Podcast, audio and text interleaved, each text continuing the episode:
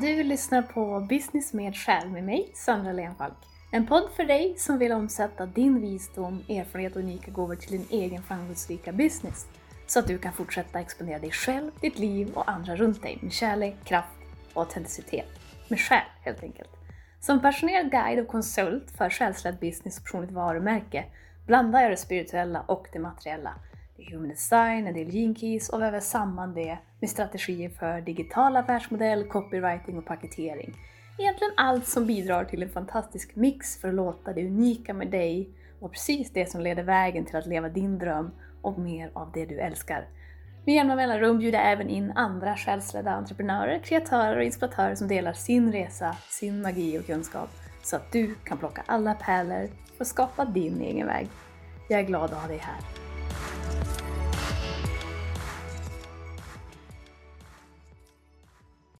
Tror att vi alla hamnar i lägen när vi frågar oss själva vilken väg som är rätt att ta.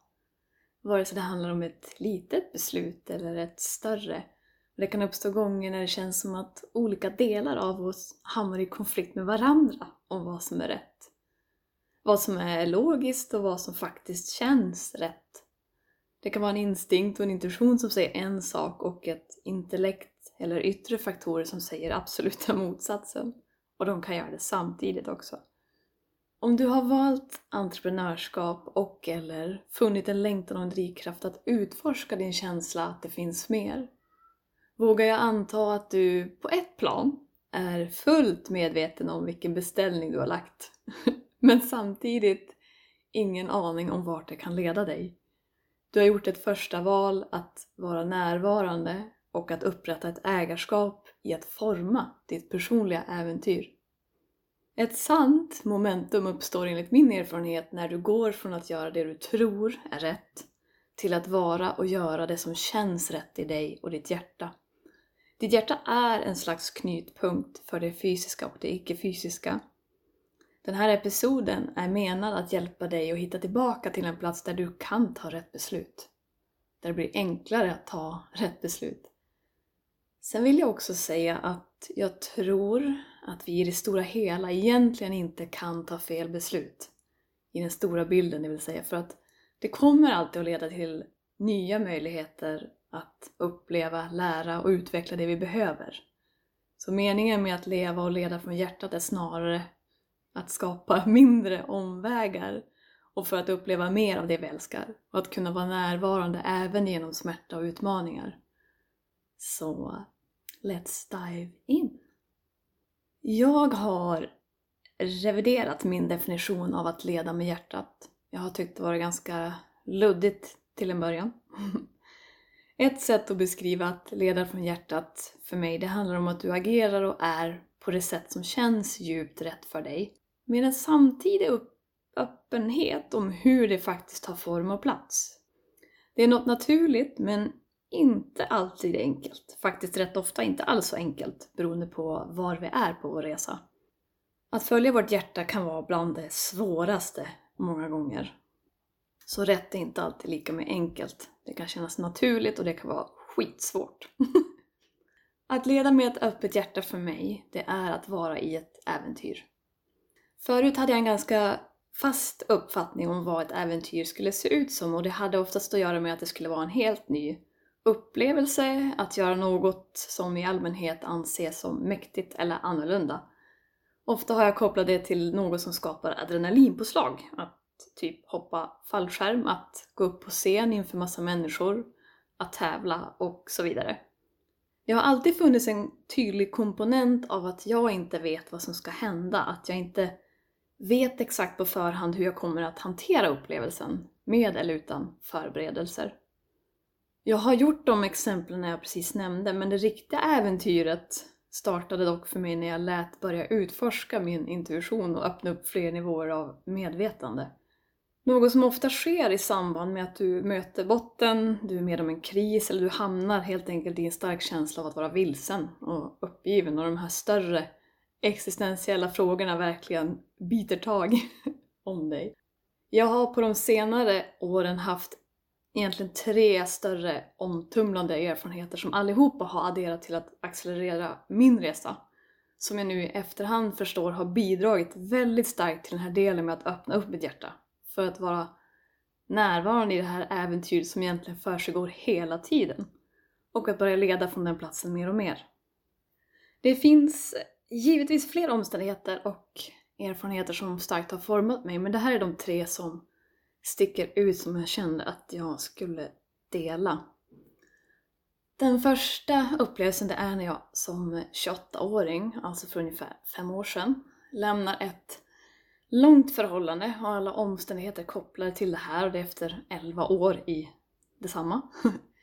Relationer, yrke, bostad, ort, vilket gym jag är på, vilken fritid jag har. Allt skiftar, allt byts ut, allt avbryts för att skapa något nytt.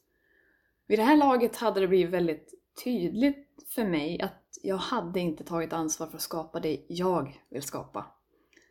Och jag börjar om på egen hand. Det här var ett beslut som kändes allt annat än tryggt och givet.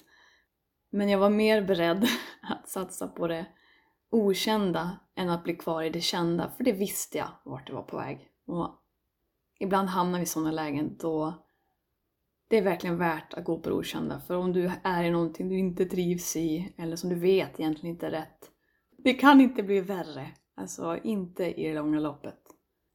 Den andra upplevelsen som har kastat om mig lite grann, det är när jag och min familj får ungefär samtidigt, kanske ett tag efter det här just beskrev, får beskedet att min då 54-åriga mamma har tidig Alzheimers och allt som sker från den processen därefter. Rädslor, sorg, ilska, förtvivlan, förvirring, att känna sig otroligt maktlös och att försöka förbli rationell i något högst irrationellt. Få grejer har bett mig, och egentligen tvingat på något sätt, att observera och hålla mig själv så mycket kring alla tankar och känslor som har poppat upp i det här.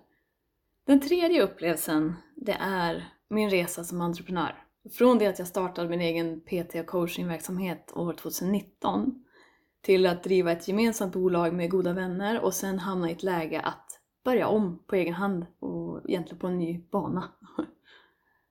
Alla de här livsscenarierna och processerna de är av rätt olika karaktär men de har några gemensamma saker och det är att de har skakat mig till kärnan. De har rivit upp rötter, de har lämnat mig famlande utan en tydlig väg framåt.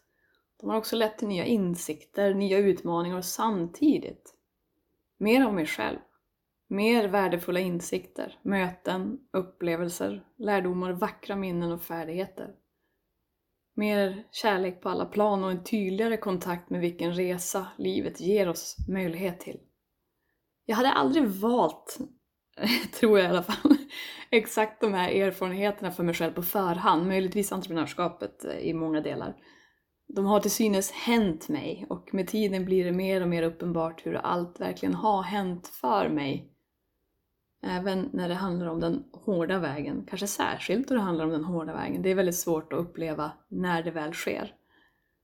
Entreprenörsresan är det tydligaste medvetna valet och jag kan se hur jag med tiden tar mer och mer medvetna val. Inte för att jag egentligen får mer kontroll utan snarare för att jag försöker lära mig släppa den. Att eh, leda med hjärtat det är att välja att hela tiden leva i ett äventyr. Det är balansgången mellan att ha de allra högsta förväntningarna och samtidigt vara helt fri från att vara fäst vid dem. När du som entreprenör eller icke-entreprenör tackar ja till att leda med hjärtat då kommer mycket att skifta. Ibland smygande, ibland ganska drastiskt. Det som kommer först kan vara lite olika. Att leda med hjärtat det är att hitta en djup vördnad och glädje i själva processen och att låta dig föras med i vart den än tar dig.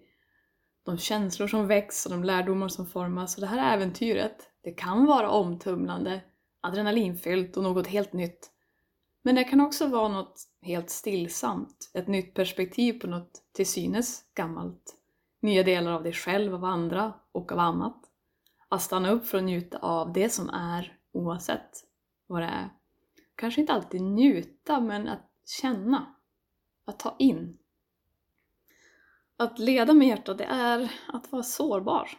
Men att vara sårbar öppnar också upp för att verkligen lära känna den riktiga hjältinnan eller hjälten i dig.